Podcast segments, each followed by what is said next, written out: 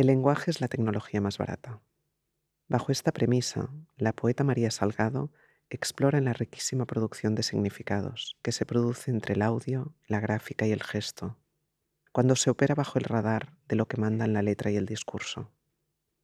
En su práctica, híbrida y sincrética, fonemas, frases y palabras son plástica y práctica del lenguajeo.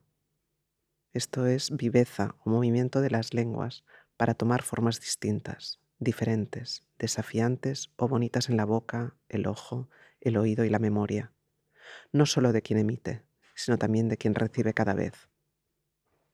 Así se puede ver, sentir y escuchar en sus cuatro libros de poesía publicados hasta la fecha, su blog, el proyecto sonoro junto a Fran MM Cabeza de Vaca, su investigación como parte del seminario Euraca y sobre el escenario. Aquí y ahora nos embarcamos en un diálogo en persona, por Skype y por email a tres bandas, Madrid, Berlín, Barcelona, para transformar una conversación tranquila, larga y distendida sobre su práctica y vocabulario en un material repensado, repuntuado, subrayado y anotado, con citas, fragmentos de algunos de sus ensayos sobre poesía y otros signos, y un poema. Sunia escribe con María Salgado sobre poesía low-tech sincretismo, spoken text, escritura y oralidad, canales ocupados, virtudes del prefijo an, drogas y la productiva tensión entre las frases en uso en la calle y las que están guardadas en los libros.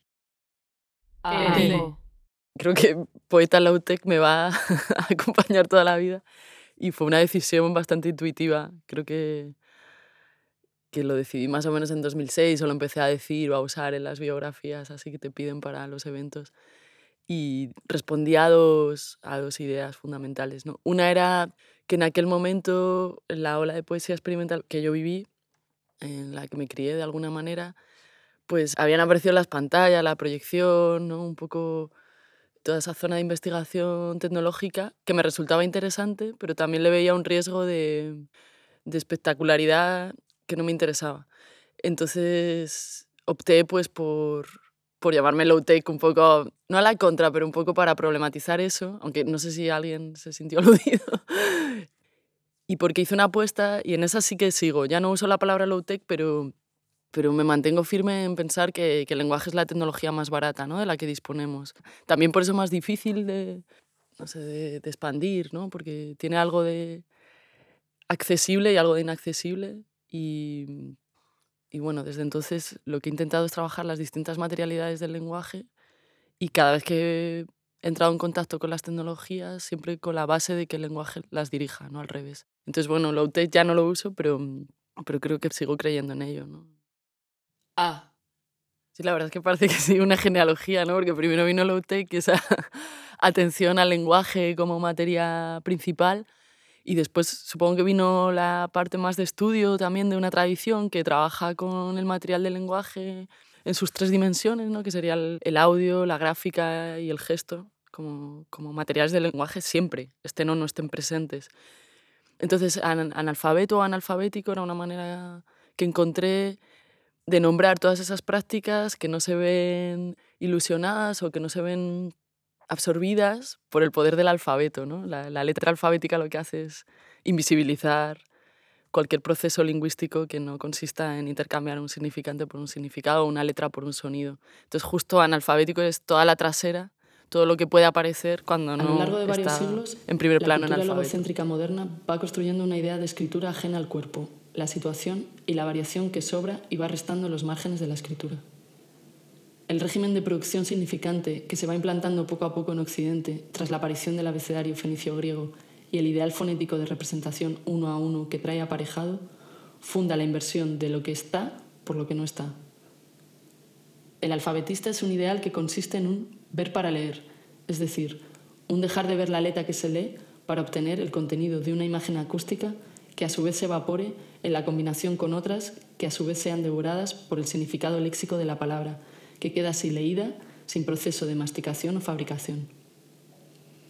Dichos márgenes o inutilidades y descentramientos, dichas marcas a las que muy bien podríamos llamar analfabéticas, son las que al cabo se reunirán en la reconfiguración poética del régimen de obras del siglo XX que exploran la verbalidad, la textualidad, la situacionalidad y la heterogeneidad. La analfabeticidad es, en efecto, todo lo que no está regulado por la alfabeticidad, incluso y sobre todo la letra alfabética en un uso analfabético. Analfabéticos son, entonces, no solo los vestigios de los regímenes orales o aletrados, sino también de aquellos que carecían de letras, pero no de escritura ni tampoco de grafías. Analfabéticas son las aperturas que operan las culturas posiletradas, sus lenguas, sus poéticas, sus desafíos y significaciones, reingresos y apropiaciones. Y analfabética es cualquier operación que deja a la vista, al tacto y al oído el cuerpo y no el sentido de las letras alfabéticas de un texto. Claro que para afirmar esto hay que afirmar que lectura y escritura son operaciones a su vez realizadas en el ojo, el oído y la memoria de la lengua que cada hablante despliega cada vez. Es decir, que lectura y escritura no son órganos del libro, ni de la letra impresa, ni del abecedario, sino agenciamientos que también suceden afuera de estas instancias. Se trata de pensar algo que estaba reprimido. Una escritura que estaba escamoteada del poema, parece que normal, impreso, y que por ello puede pensarse más sencillamente como carencia, como falta, como ocultación, como detrás del todo, intensamente. La analfabeticidad no es, de hecho, nada, o es de hecho todo. Una trasera de las letras impresas, una analidad del sistema alfabético, las aperturas que operan las culturas posiletradas que traen nuevos desafíos al orden letrado de una poesía en la que ingresan y que reingresan para el sí mismo de cualquiera. Una electrificación del procedimiento en contacto con las telegrafías, telefonías, gramofonías, fonografías que la revolución de los medios, también de escritura, dispone. Una impugnación del imperio logoalfabético un disenso contra el valor de cambio, una literalidad oscilando por sobre el poder de simbolizar, y también una metáfora crítica, evanescente, discutible, válida para el dominio de su función, que es, antes que nada, una posición a la hora de pensar desde dentro de la poesía una genealogía de afueras, contradicciones y suciedades. A la rematerialización de la lengua producida en la refracción del decurso semántico conceptual informativo entre un ritmo combinado de sentidos ojo, oído, memoria, sentido, la llamo analfabeticidad, entendiendo por materialidad la intrusión acústica y o gráfica y o escrita en el mundo del sonido y las inscripciones y en el mundo del mundo, esto es, en el hacer un mundo percibido en una lengua, y entendiendo por información el conjunto de juegos de lenguaje orientados al intercambio rápido e interesado de contenidos, esto es, de significados léxicos, papeles de interlocución, inferencias pragmáticas y demás reglas del juego normalizado, codificado o estandarizado. Y además, para mí, bueno, recoge también todas esas fuerzas analfabetas en un sentido muy amplio, que no quiere decir iletradas, simplemente culturas que no tienen en su centro lo alfabético. O sea, me parece justo el envés de lo escrito, que también es escrito, pero que, que, tiene unas potencias que todavía creo que no, no, hemos explorado del todo. Entonces me gusta mucho el término como manera, no de establecer una oposición, que de ahí también el usar el ana en vez del anti, ¿no? El an, el en vez, ¿no? El, eh, lo mismo por detrás, otra mm, prospección o algo así, un, una manera de mirar que no, que no escinda en dos. Eso me parece fundamental. También como proyecto creativo dentro de la poesía, ¿no? En, el arte quizá no, no, se, no se vive ya esa escisión tan fuerte, pero en poesía parece que se hace poesía experimental, ya, de hecho experimental no me gusta como término, ¿no? por eso uso otros. Eh, está separado y, no puedes incorporar la tradición lírica más clásica y, y, a mi entender es, es al revés, ¿no? Son, son una tradición que tiene varias corrientes y que unas a otras se van eh, interfiriendo y de hecho es lo más potente ¿no? como tradición. Entonces analfabético pues guarda todas esas potencias y fuerzas y corrientes, pero también marca esa, ese esfuerzo por, por buscar lo que hay detrás. ¿no? N. Yo creo que cuando lees la tradición de la poesía encuentras las frases de otros momentos históricos incrustadas dentro de, de poemas con otras formas poéticas. Entonces creo que eso reactualizarlo tiene que ver con, poner el oído ¿no? en, en, todas partes, no solo en la calle, ¿no? no solo en la calle como espacio no académico, también incluso en la poesía como, como calle. ¿no? El archivo de las frases de la poesía es igual de manejable que el de los periódicos o que el de...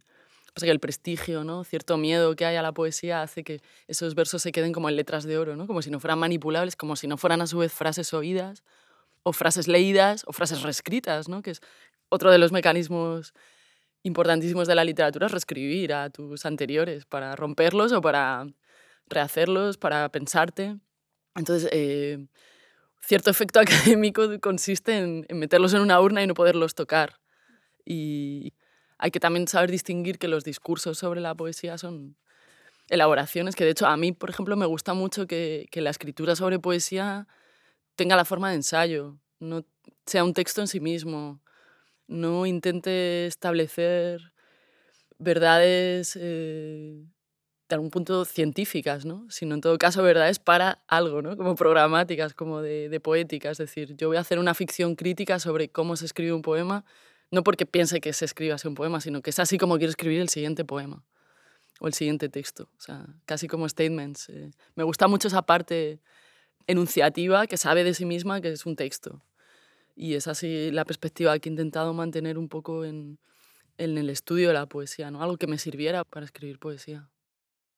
A. O sea, yo creo que tengo una formación muy sincrética, muy sincrética, que tiene que ver con, primero, una sensación cuando empecé a escribir poesía, o mejor, cuando empecé a a publicar o cuando empecé a, a, frecuentar los sitios públicos de la poesía en España, no me encontraba cómoda, o echaba de menos algo. Mm, necesitaba algo que no sabía qué era. Casi una experiencia de viveza, ¿no? Como un contexto un poco más activo, más formas de escribir, que no fuera el mismo tipo de poema, ¿no? Como un poco... El poema heredado era muy estrecho. Esto era la sensación que yo intuitivamente tenía y que con los años he ido confirmando, que era muy poco lo que se podía escribir.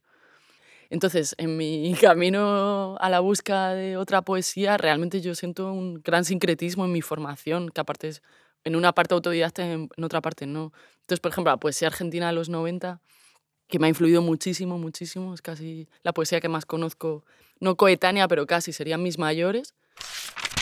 Hay un momento en el que yo me encontré con Language, que es cuando empecé una tesis doctoral con Esteban Pujals Gesalí, que es el primer traductor de los poetas language en España, con una antología que se llamó La lengua radical. Y yo fui a un curso de doctorado con él y empecé a trabajar con él. Y es cuando conozco a los poetas language.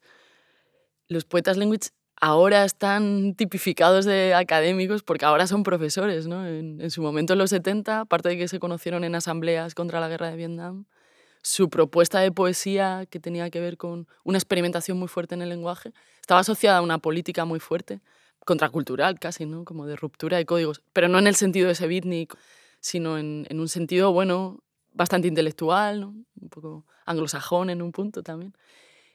Y es que ellos elaboraron primero una comunidad que es fascinante, o sea, unas revistas que vinculaban a una gente que se escribía cartas sobre cómo escribir poesía. Y luego toda esta pulsión que he dicho de pensar la poesía para escribir poesía, ¿no? Esto que se llama poética, ¿no? O sea, poética. Vamos a ver cómo escribiríamos, vamos a ver cómo hemos escrito, cómo se ha escrito para ver cómo escribiríamos. Y tenemos intenciones muy fuertes sobre el lenguaje y sobre el mundo, ¿no? Tuve la suerte de hacer una estancia de investigación en Filadelfia, en UPenn, y tuve de profesores a Charles Bernstein y a Bob Perelman, que son dos poetas language. Ya eran bastante mayores cuando fui, pero habían generado un entorno de investigación en poética que para mí seguía igual de activo, ¿no? Con ese archivo de poesía que es Pen Sound, que es un archivo de audio de poesía que, que es utilísimo, ¿no? Para quienes escribimos poesía en todo el mundo, poder escuchar ahí la voz de los poetas, ¿no? Poetas de todas las épocas, por poemas seleccionados, hay programas de radio sobre un poema, o sea, es una escuela, ¿no? Entonces, yo accedí a ese mundo, a ese archivo de una manera bastante desde fuera, ¿no? Porque yo venía desde España, pero no sé, con esto lo fui conectando a mis otras lecturas, que también tienen que ver con la tradición española, claro, como con, con el barroco, con haber estudiado filología. Luego, a mí me influyó mucho ver a Giorno, a Lidia Lange en Madrid, en 2008 fue eso. El, lo que pueda ser la tradición del spoken word, que no tiene nada que ver con language, nada que ver con language, porque language sí es verdad que es muy textualista, muy, muy de libro, ¿no? Muy de, de, poema perfecto, ¿no? De poema tenso, duro, que hay que esforzarse en leer, que hay que estar toda una tarde leyendo un poema. Eso es un poco la onda language.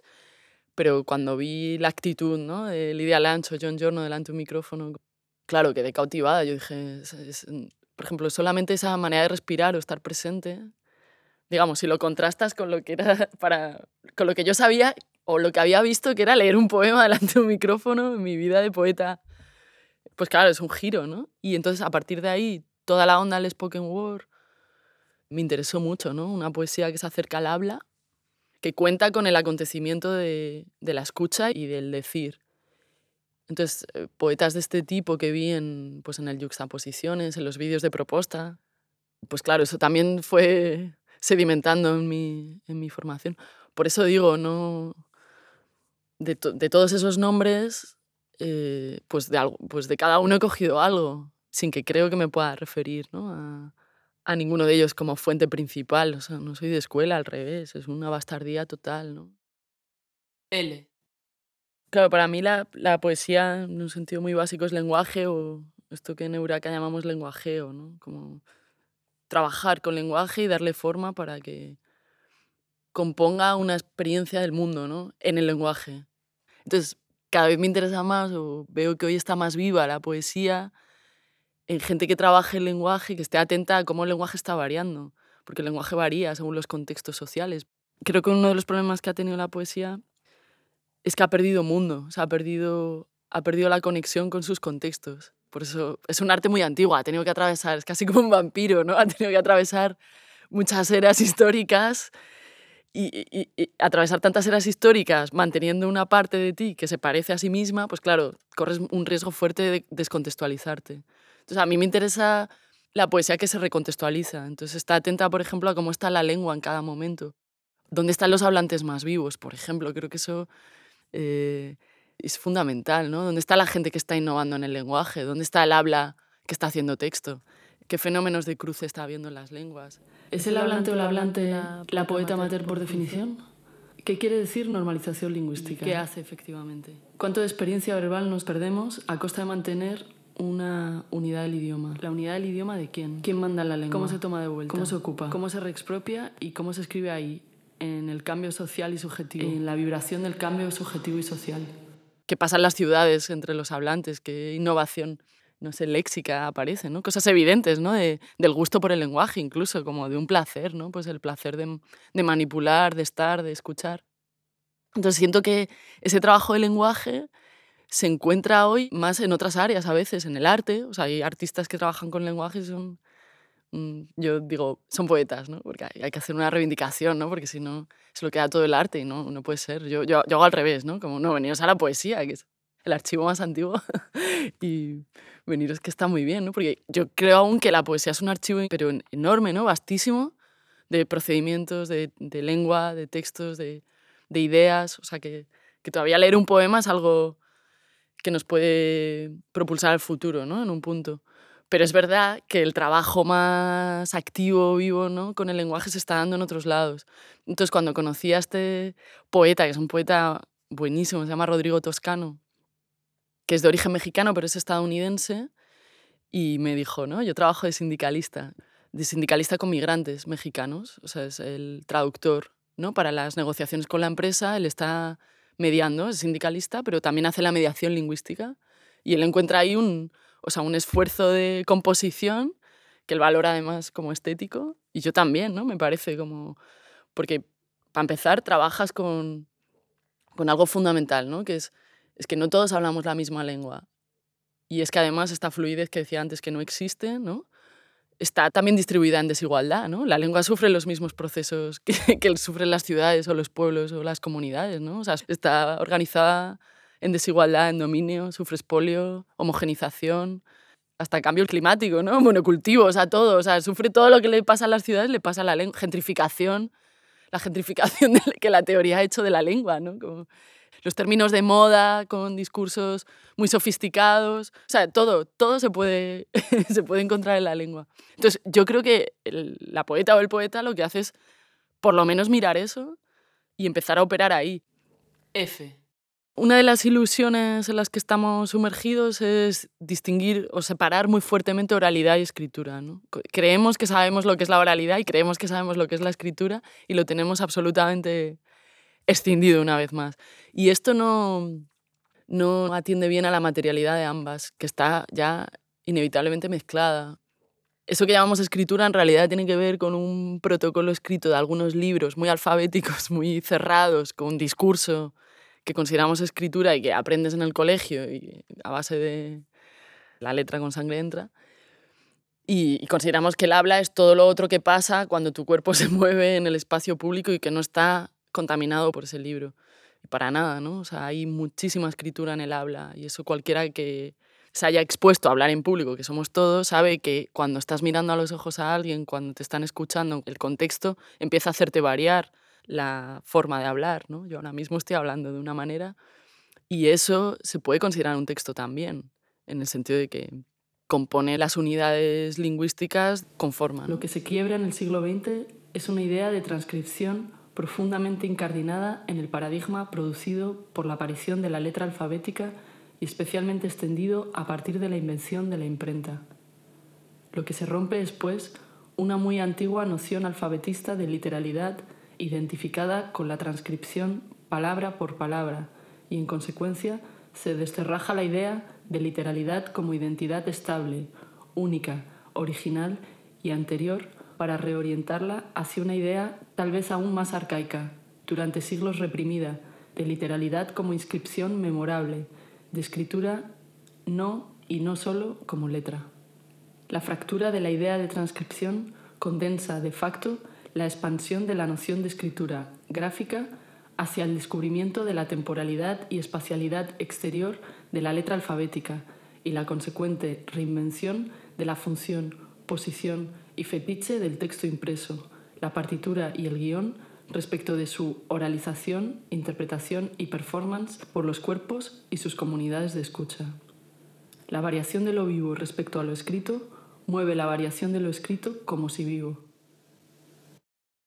no sé a qué llame spoken text, pero yo quería explorar esta dimensión en la cual hablas y vas conformando el habla y no dejar esa parte del habla como si fuera la pureza de la, palabra que sale o que emana, no, no sale ni mana. ¿no? De hecho, lo, más natural al habla es interrumpirse, eh, no ser fluida, tropezarse, y es muy bello, y es una manera de hacer texto muy compleja, porque hay texto igualmente complejo que no fluye, que tropieza. Y eso se lo permitimos a lo escrito y no se lo permitimos al habla, ¿no? porque tenemos esa necesidad de fluidez que no sé de dónde viene. El resultado es la apertura de un fértil y poroso canal de paso entre formas de habla, formas de escritura y formas de performance que modifica la relación de texto y oralización para todas las artes verbales, ya sean estas vivas o escritas.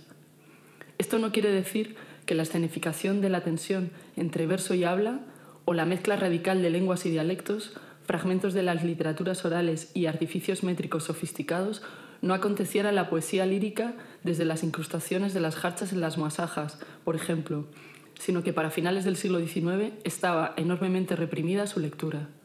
La poética de la oralidad que aquí propongo no es sino el nombre de una invitación a precisamente hacerse cargo del pliegue de intensificación lingüística que produce la fractura que en otro lugar llamé analírica, desplazando el eje del ojo lector desde el lado del sentido un tanto más hacia su oído, para atender a las formas de habla, usos, restos y gestos de performance que sutilmente están susurrando y moviéndose por debajo del radar de lectura habitual en cualquier objeto que contenga lengua, ya suceda de forma oral o de forma escrita. Para mí resulta ahora mismo muy interesante el lugar en el que habla y escritura son conscientes de, de, ser, no sé, partes de lo mismo o un, palimpsésticamente, porque evidentemente cuando haces un texto que va a quedar escrito dentro de un libro, o sea, impreso, quiero decir, cuentas con otras ventajas, ¿no? Es la ventaja de la memoria del ojo, o sea, que en un texto impreso puedes volver atrás, en un texto impreso puedes volver atrás, en el habla, a no ser que repitas, no vuelves atrás. a no ser que repitas, no vuelves atrás. Pero la noción de poder repetir, para mí es textual, o sea, pues vamos a repetir, ¿no? Repetir, ¿no? Que la rima y el verso vienen del habla, que la rima y el verso vienen del habla. Creo que el spoken text es, o la textualidad encarnada, yo creo que es, es una vía muy interesante de trabajo. Ah, yo creo que hay un problema que nos pasa a todos, que es creer que dominamos la lengua que tenemos, que es nuestra, ¿no? Que hay que problematizar nuestra capacidad de, no de hablar, sino nuestra posesión, ¿no? Por ejemplo, la experiencia verbal que pueda tener alguien que vive, por ejemplo, en el mundo rural, ¿no? Solamente la experiencia de, de vivir en un mundo rural y tener otro uso de la lengua, de tener que procesarte por la escuela, para bien y para mal, o sea, no, no, no, no estoy eligiendo un lugar de, de enunciación, de la lengua que, por supuesto, filtran los medios de comunicación de forma muy notable, ¿no? Y que se nos ha vuelto invisible, o sea, se nos ha vuelto invisible que, no sé, que cuando aparece la televisión se, se reduce bastante el, el, espectro de variación, ¿no? De, dialectológica de la lengua, por ejemplo, española en, el Estado, ¿no? Porque se empieza a homogenizar la ocupación del canal, que es una cosa que, por ejemplo, yo observé haciendo un taller de, de poesía con niños en el Centro de Arte 2 de Mayo. Hacíamos una búsqueda de palabras a lo largo del taller y luego les pedía que, que imprimieran alguna de esas. Las imprimíamos en oro con un stencil, ¿no? como en, en oro, letras doradas. Entonces yo decía, bueno, ahora hay que guardar la palabra que más os haya gustado. La, las primeras sesiones del taller, si no dábamos la pauta de, de una palabra que haya salido en el taller. Un taller larguísimo que hacíamos un paseo, veíamos obras, las teníamos que escribir, teníamos que inventar diálogos, usábamos una loop station, sacábamos sonidos. Y me sorprendió bastante que al final del taller, sin, más, sin juzgarlo ni evaluarlo, aparecían nombres de videojuegos, eh, marcas de ropa. Pero dices, bueno, a ver, ¿de quién son estas palabras? O sea, este, este canal está ocupado. De quién son las palabras que hablamos cuando hablamos, ¿no? Y en quién estamos pensando cuando hablamos. Entonces, eh, yo creo que todo eso se tiene que poner en juego en los textos, ¿no? Y para empezar sospechando de cada una de ellas y de la sintaxis que la organiza. Por ejemplo, la necesidad de escribir, pues lo que decía antes, discurso, ¿no? O sea, de escribir fluido, argumentaciones para la comunicación global eficaz o la comunicación académica prestigiada, ¿no? No se tolera el, el balbuceo, la forma rara, la dificultad, ¿no? Ese miedo, o sea, la impugnación de lo difícil, pero no de lo difícil porque es elevado, que eso es un, eso es un error también, ¿no? Porque es difícil es elitista. No es difícil porque es difícil. O sea, no, no hablamos para entendernos, eh, no hablamos para entendernos, sino nos entendemos porque hablamos. ¿no? Estamos contenidos en la lengua y estamos haciendo todo el rato negociaciones y entonces considerar que podemos moldear algo nítido y que el otro lo está entendiendo nítidamente y que el intercambio es limpio, eficaz y en igualdad, es una presuposición que nos borra a nosotros como sujetos y que comunitariamente tiene muchos problemas, porque además deja mucha gente fuera y también nos hace perder una experiencia verbal muy bella, que es, es la de, justo la de la rotura. La seguridad de que todo se repetirá de manera normal engrasa el consentimiento político básico de nuestras sociedades hiperreguladas la estabilidad de la señal semántica, la homogeneidad lingüística y el procesado de las diferencias, no solo verbales, instituyen una parte de esa normalidad social que a su vez recorta lo que se entiende de lo que no se entiende, o quizá mejor, lo que se entiende de lo que no se atiende. Comparto el deseo de claridad que algunos poetas reivindican para la escritura, pero no si ésta se identifica con una transparencia que es, por un lado, compresión y limitación de la lengua y por otro, consentimiento con mensajes pregrabados y repetidos. No comparto la replicación de frases estándar con el objetivo de obtener un valor de normalidad para la poesía homologable con la estrecha normalidad semántica de una sociedad cuya lengua es regulada por corporaciones de la información, medios de comunicación e instituciones de la lengua tan dudosamente democráticos como los que tenemos. La transparencia tiene que ver con la repetición, el consentimiento, la desatención y la delegación, la claridad con el acuerdo, la atención, la insistencia y la acción lingüística de emisor y receptor. B. Es verdad que yo parto del, del, material textual en un sentido, como decía antes, ampliado. ¿no? Para mí el material textual no tiene por qué estar impreso, puede ser un, un, ritmo lingüístico que tengo en la cabeza, que estoy pensando para una frase, o una frase oída que me hace interrogarme cómo se diría esa frase ¿no? en escena. Y siempre parto del texto, eso es verdad, o sea, en el sentido de que yo no pienso una performance desde fuera, o sea, desde el gesto o desde el espacio. Es, tengo una frase vale, ¿cómo la coloco en el espacio? ¿Qué, ¿Qué, puede hacer esa frase? ¿Qué puede hacer ese conjunto de frases? ¿Qué ritmo puede tomar? Y en función del ritmo también decido, ah, pues decido, decido la acción, sí, en función del ritmo decido la acción. o por ejemplo la máquina que quiero usar, si es que quiero usar una, ¿no? Yo que sé, voy a poner un ejemplo que es más fácil porque así en esta pieza que hice con Fran Cabeza de Vaca, que se llama Femenino Duro Maravilla, es una pieza de sampleo, ¿no? Samplea un poema de Ted Berrigan, una serie de frases que yo improvisé a partir de la idea del lujo, porque pensábamos que, que podía ser una idea que viene más como del hip hop, digamos, y cómo incorporar eso a, a, un lujo un poco de otro tipo, ¿no? Además un lujo pobre. Y un sample de, de una canción de Le Parodi y otro de Fran Cabeza de Vaca. Vale, pues todos estos materiales se van superponiendo ¿no? en una pieza que podría parecer, pues eso, un cola sonoro. Pero para mí viene del poema de Berrigan. Yo escucho en Pen Sound todos los audios de Ted Berrigan, que me encanta, ¿no? Es un poeta de los 70 que había leído, pero cuando lo escucho en audio me doy cuenta de... Bueno, yo presupongo una manera que tiene de decir Ted Berrigan. De hecho, siempre me lo imagino sonriendo cuando lee. Yo no he visto vídeos de él leyendo, sino esos audios. Uno de los sonnets de, Berrigan me gusta especialmente, ¿no? Porque, bueno, como alguien me indicó, tenía tres adjetivos que no suelen estar juntos, ¿no? Feminine, marvelous and tough. Femenino, duro, maravilla. Bueno, así lo traduje yo por cuestiones de ritmo. Y es a partir de, esas tres palabras que intento con Fran ¿no? componer un, una canción. O sea, no sé si eso es predominancia de lo textual, pero es, yo me fijé en el poema, es un poema, es un poema con versitos no es un soneto en el sentido clásico, sino que son 14 líneas que la hace un poco de collage, ¿no? Hay un poco de quiebro, no es que siga una línea, ¿no? El poema de Berrigan. Escuché el audio y pensé en los adjetivos y al pensar en los adjetivos me di cuenta que era muy bonito superponer sobre la voz de Berrigan mi traducción y que se le viera el grano a la traducción, o sea, que se viera que evidentemente estaba haciendo una construcción propia del poema de Berrigan, ¿no? Entonces, cuando dice el And the And the day is bright, gray, bright, turning green, turning green, feminine, feminine, marvelous, and tough.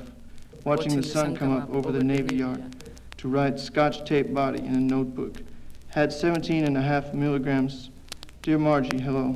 Él dice algo así como till seven y yo, yo lo traduje por escribo todo el día y paso la noche It's 5:15 a.m. Fuck till 7. Now she's late to work, and I'm 18, so why are my hands shaking? I should know better. Es decir, que se ve evidente, ¿no? Y mirando el sol salir por sobre la marina. Bueno, lo voy arreglando y entiendo que es bonito o que es interesante que aparezcan las dos traducciones para que justo quien esté escuchando pueda hacer la suya propia, ¿no? Y pueda tener una experiencia verbal con la traducción. Entonces, eso ya en sí marca un ritmo. Entonces dije, bueno, ¿de qué está hablando este poema? Este poema está hablando de, de ser poeta, ¿no? Es un poema muy de, de Berrigan de los 70, que es eh, pasar el tiempo escribiendo y leyendo y viviendo. Y digo, ah, pues voy a meter el texto del lujo, el lujo, ¿no? Y el lujo lo había descrito como un limón fresco abierto, limón de dorado, no tan redondo, pero sí tan tan dorado. O sea, describir el lujo a partir de el limón, por ejemplo, ¿no? Que es una frescura y un color y un olor.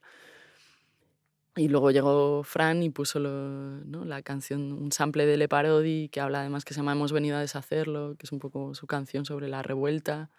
Y otro de, de Fran lindísimo, ¿no? que podría parecer un río, ¿no? el río que sería como el deseo. Y con todo eso hicimos un mashup y apareció la canción. Pero viene de unos versitos de Berrigan y de tres adjetivos que dices, bueno, es que esto, estos adjetivos solos, en sí mismos, para mí dicen muchísimo. O sea, me parece un hallazgo poético fundamental, ¿no? que ha conseguido un poeta escribiendo en su casa. Y no le veo distinción con lo que nosotros hacemos. Lo que pasa es que le hemos puesto otro formato y ahora, pues, como tienen algo de música, pues a lo mejor son más memorables todavía, pero viene de ahí.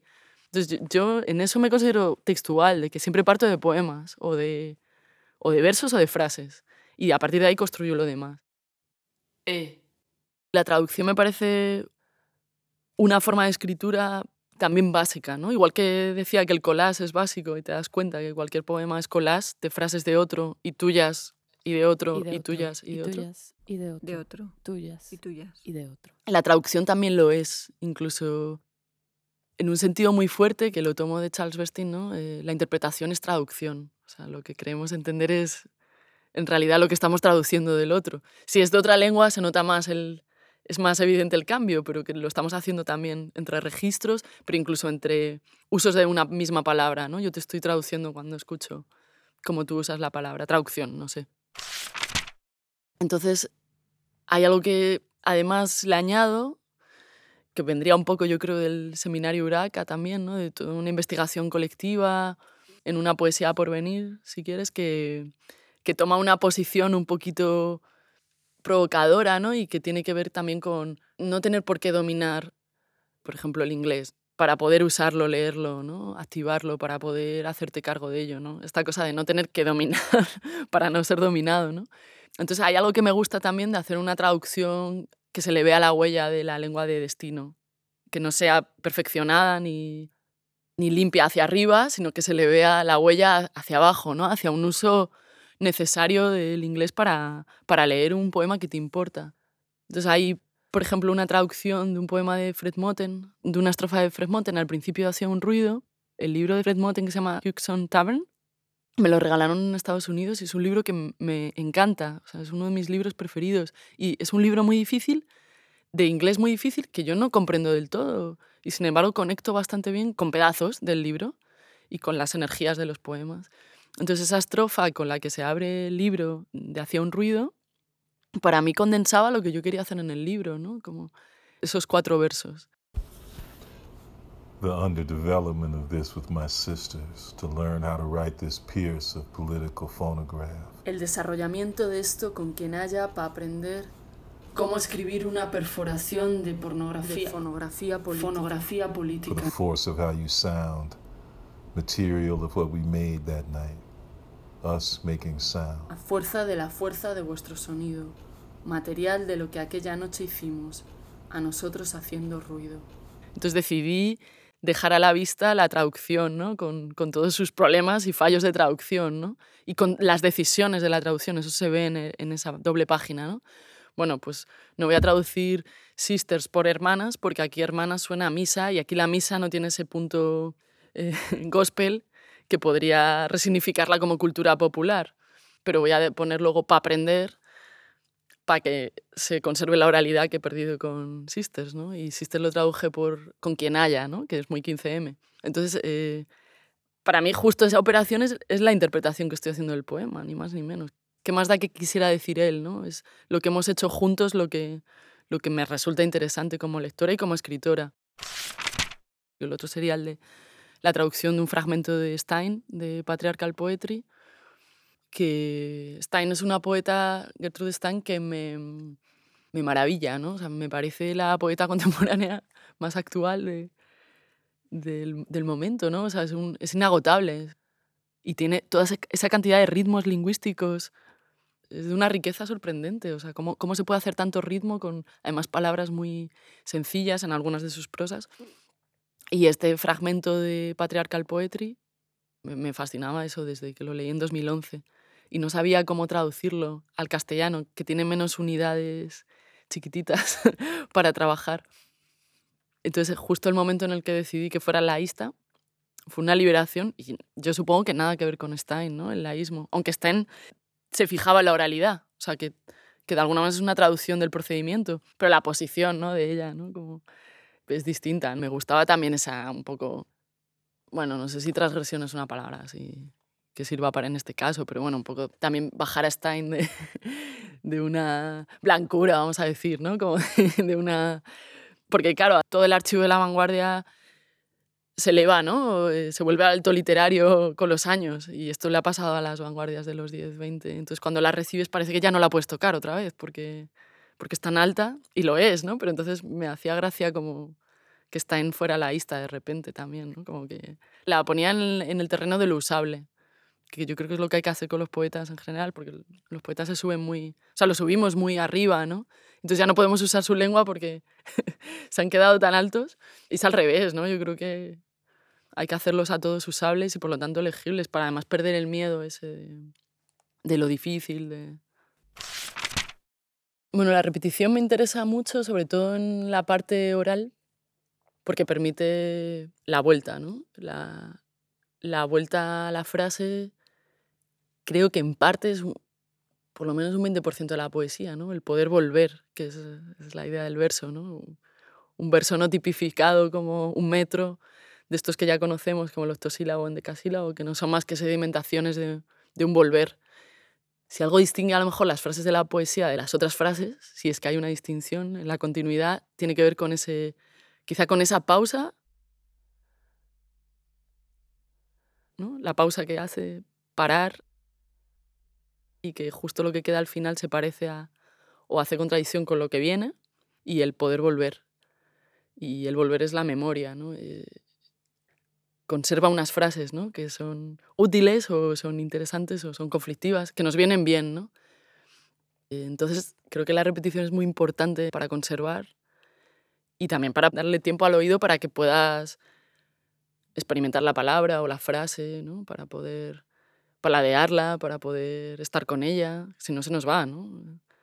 Entonces, creo que lo hago más en la parte oral que en la escrita, porque en la impresa, perdón, doy por hecho que puedes volver para atrás, ¿no?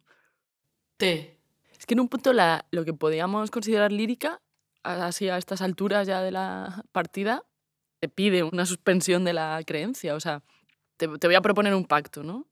Esto que yo te voy a decir, tú lo vas a hacer verdad, ¿no? Cuando lo escuches. Sobre el amor, sobre el universo. Eso es un riesgo y casi se ha vuelto paródico en un punto, ¿no? O sea, pero, pero es una potencia de la poesía desde hace siglos. Una lectura anacrónica del proceso de estrechamiento físico, social y oral, del acto de habla que era la poesía y del multiforme sistema de versos anterior al rodillo genérico de la modernidad, podría tal vez hacernos convenir que a cierto grado de abstracción tecnopoética, la lírica muy bien podría designar, por un lado, las letras, lyrics, el guion o texto escrito para ser cantado o declamado en un momento virtualmente posterior al de la inscripción, y por otro, cualquier consistencia de vocación del habla, espejismo de calcado, transcripción o traslado del habla en escritura, que insiste, pues, sobre los índices deícticos de uno que dice y otro que oye, en el aquí y el ahora de un texto, siendo el artificio poético expandido del siglo XX el que se ocuparía de enfocar las cualidades formales de la lengua en uso, hacia adelante para la invención y hacia atrás para la desrepresión de la lengua atrapada por un modo cerrado de lectura, teniendo en cuenta que los procedimientos de ruidificación o producción de ritmos analíricos que propusieron las posturas más radicalmente materialistas de las vanguardias y neovanguardias del siglo XX fueron tan intensos como para hacer de contraste, espectro de tensiones y zona de interferencia con, contra y entre cualquier tipo de poema tipificado como lírico o cualquier canción melódica, no se entiende bien que no se pueda al menos preguntar por qué no entran siquiera a saludar en la historia de la lírica los versos de las músicas populares anteriores a la Primera Guerra Mundial, ni los de la música pop de la era del consumo, como si computan las letras de las canciones ocasionales de épocas arcaicas como que sería muy retador conseguir balancear ¿no? lo lírico y lo analírico. O sea, la, la, el momento en el que desabsorbes al, al lector y dices, eh, cuidado, esta frase es una exageración, esta frase es una parodia. Y a la vez, esta frase es muy bella, que sí. ¿no? ¿Coincides conmigo en que esta frase te resuena con una situación en la que tú has sentido algo así, ¿no? Y a la vez, pero ¿cómo? Vamos a ver, eso, eso no lo has podido sentir así qué ridículos somos, los dos, ¿no? Tú y yo, o algo así. Y a mí me gusta, digo, me gustaría conseguir algo así, me parece un reto, como que creo que el materialismo, ¿no? Lingüístico, abstracción dura, tal, ya ha pasado, ¿no? O sea, lo hemos experimentado, sabemos mucho. Tenemos un lenguaje súper sofisticado para escribir. El otro también, o sea, la lírica ha llegado a unas cumbres, ¿no?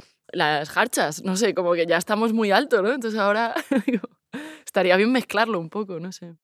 Y Conocí el conceptualismo, ¿no? la ola conceptualista en 2009 y luego a Kenneth Goldsmith cuando vino en 2010 a, a Madrid. Y después a Rob Fitterman, que también es otro poeta conceptualista. El apropiacionismo me interesó mucho porque pronto era una estrategia que no había contemplado como posible para la poesía, aunque luego vi que, claro, la poesía en realidad lleva apropiándose de todo muchos siglos. Pero claro, no en esas cantidades. ¿no? Creo que la diferencia del conceptualismo es las cantidades en las que se apropia. ¿no? Y también dónde puso el foco, ¿no? un poco en Internet, un poco en los medios. Entonces, esto me apeteció probarlo muchísimo porque, otra vez, ¿no? Era fuentes de lengua que teníamos totalmente desenfocadas desde la poesía, ¿no? Y de pronto traían, claro, efectos de descontextualización y algo que a mí me interesa más, que no sé si justo a cierto conceptualismo muy purista le ha interesado tanto, que es las rarezas de la frase, en un sentido ya como muy que te detienes y, dices, jo, que, cómo está construida esta frase, ¿no? Cuando hablamos hacemos una sintaxis que luego no nos permitimos en, el, en la escritura. Qué, libertad la sintaxis del habla. Entonces, em, yo estaba con estas cuestiones y esa fue una de las estrategias que seguí en Hacia un ruido. Lo que pasa que opté por algo más eh, o menos, me da igual, ¿no? pero menos puro. O sea, menos purista en el sentido de me interesó mucho incluir mis frases o frases emitidas de una manera aislada, o sea, no tomada, o sea, frases no tomadas, colocarlas al lado de las frases tomadas. Y luego las tomadas a veces moldearlas, calcarlas, por ejemplo, ¿no? Cuando ves una estructura sintáctica que te fascina, uy, esto, esto yo lo quiero sacar juego. Digo, algo menos ready-made en un sentido de simplemente tomar y, y recolocar, sino también perturbar un poco la apropiación. Creo que eso al final fue mi versión de, de esa estrategia que, que, había aprendido, ¿no? viendo los trabajos de Goldsmith y de Fitterman. Darle esa vuelta un poco también bastarda, ¿no? así un poco más sucia. C. Charles Stein decía, la poesía tiene que ser como el LSD solía ser, ¿no? generar una visión en sonido que nos saque de la mierda ideológica en la que resbalamos una y otra vez. ¿no? y que nos diga que hay algo que no está aquí, pero está a punto de pasar, ¿no? Como, o sea, para mí eso es un programa. Yo creo que cuando dice eso Charles Bernstein, se refiere a una experiencia muy fuerte, ¿no? De uso de drogas contracultural, ¿no? Es el LSD cuando aparece también en eso, en el contexto de liberación subjetiva, vital, ¿no? Sexual y de lucha política, ¿no? Contra Vietnam. Y esa noción de que hay una política en el lenguaje, que el lenguaje nos puede ofrecer una experiencia de mundo más fuerte y que nos transforme. Yo escribo a esa, o sea, a mí me, me sigue cautivando. Sé que es algo que ahora está más, no sé, más desplazado, estamos en un momento distinto y también no es un momento tan de descubrimiento del LSD como los 70, por decirlo así, o de lucha política como los 70. O sea, es un momento muy diferente, pero a mí me sigue emocionando, ¿no? Pensar, darle esa dimensión al lenguaje y afirmar ¿no? la experiencia poética, la experiencia de leer poesía, el esfuerzo de, leer y de escribir poesía como un esfuerzo igual de misterioso y culturalmente cargado y, y también transformador como lo pueda ser un uso político de las drogas, porque también entiendo que ahora las drogas tienen muchos usos, ¿no? Y no todos son esa subversión a la que se refiere Bernstein. O Creo que ya antes del 15M tenía un interés por lo político, en el feminismo sobre todo, y en procesos como, yo qué sé, como lo que fueron los foros sociales, ¿no? Cierto movimiento antiglobalización cuando estaba en la universidad. Yo pillé esa ola, ¿no? De, de activismo y siempre he estado en contacto con activistas y ahora entiendo que lo hago más desde la poesía, ¿no? Como de un colectivo como el Seminario Uraca. Pero lo político me, me importa muchísimo. Vamos, como, yo qué sé, como persona que vive en este mundo la traslación de lo político a los textos, que también siempre me ha preocupado y ha sido un problema compositivo fundamental, ha ido variando, precisamente por sospechar del contenido político como tal, que se transfiera, ¿no? que no sea un efecto de reconocimiento. ¿no? Nos reconocemos los iguales, los que pensamos igual, y lo celebramos, eso no me interesa. ¿no? Interesa el riesgo lingüístico y la capacidad de generar conflicto, que creo que es lo que hacen muchos poetas del 20. O sea, creo que hay grandes textos políticos hechos por poetas reaccionarios, ¿no? de derecha, o sea, que son capaces de condensar esa contradicción política, ¿no? De cuando algo está cambiando. Y contar algo que no saque tu lado aspirativo o mejor, sino tu lado, tu lado de dominado o de tu problema social, ¿no? Digamos, bueno. Claro, cuando empiezo hacia un ruido, hice otro paso distinto totalmente, que es decir, no, no, no, es que el, el tema va a ser la política, no como la, construcción del paisaje o el mundo semántico del libro, colateralmente va a nombrar algo que entendemos que es política, ¿no? Quién tiene el dinero y quién no lo tiene es política, pero cuando dice hacia un ruido, no, no, no, yo voy a hacer el tema y el material van a ser las frases de la política. Y eso para mí en realidad era un problema. Piense lo que piense o tenga la ideología que tenga y haga lo que haga con mi vida, es un problema como poeta porque son las frases de las más feas, de las más poco glamurosas las que estaban sucediendo, no las que han sucedido, ya le, le hemos dado ese aura, ¿no? Como puedan ser las frases del 68, ¿no? Pues ya, ya tienen ese aura, pero en ese momento de 2011 lo tenían internamente a los que habíamos vivido la experiencia, ¿no? En concreto la del 15M, ¿no? Y el modelo en realidad no tiene tanto que ver con poesía social, digamos, ¿no? Yo lo decía así en las presentaciones que me sorprendió mucho leyendo los cantos de Pound, que hablaba de banqueros y presidentes así con nombre y apellidos. Y dije, ah, mira, o sea, un poema con un banquero con nombre y apellido. No que dice lo, lo, lo malos que son, sino que dice, este hombre, ¿no? Y sale un personaje que es un banquero. Me parece feísimo en un punto, o sea, que no es justo lo que escribimos a lo bello. Y quería hacer esa prueba de, no, no, el tema va a ser este, las frases van a ser estas. Y claro, así tiene el texto también la sequedad que tiene, ¿no? Por ejemplo, ahora he empezado otro tipo de escritura.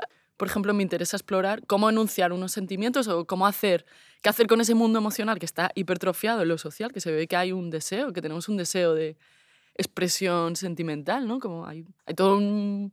Ha habido un boom de poesía, digamos, así por entendernos, de gente que estaba organizándose en Internet, ¿no? como en YouTube, en Instagram y tal, y de repente han empezado a publicar libros, unas editoriales, y están vendiendo por miles. Bueno, es un fenómeno de mercado, lo que quieras, no, no me interesa. Tampoco me interesa lingüísticamente esa poesía, pero cuando ves eso, te das cuenta que algo, o sea, enuncia algo, ¿no? Un deseo de época. Hay algo ahí de lo que creo que es interesante hacerse cargo. Entonces, ahora, ¿qué es un sentimiento? ¿Quién, lo tiene? ¿Cómo se ha codificado en otros momentos? ¿Qué es un tú? ¿Qué es un yo? ¿no? En un poema. Eh, bueno, pues ahora, por ejemplo, me interesa explorar eso. Entonces, como la política como subfuerza, bueno, no sé si eso se, puede decir, pero tiene que ver con, por un lado, esa aspiración ¿no? a que en el lenguaje esté pasando un conflicto, un poco la, como en la cita de Bernstein que decía, y también un poco de fe en que los poemas transforman, pero no transforman ni la sociedad, ni, consiguen nada, ni tienen consecuencias, y mejor.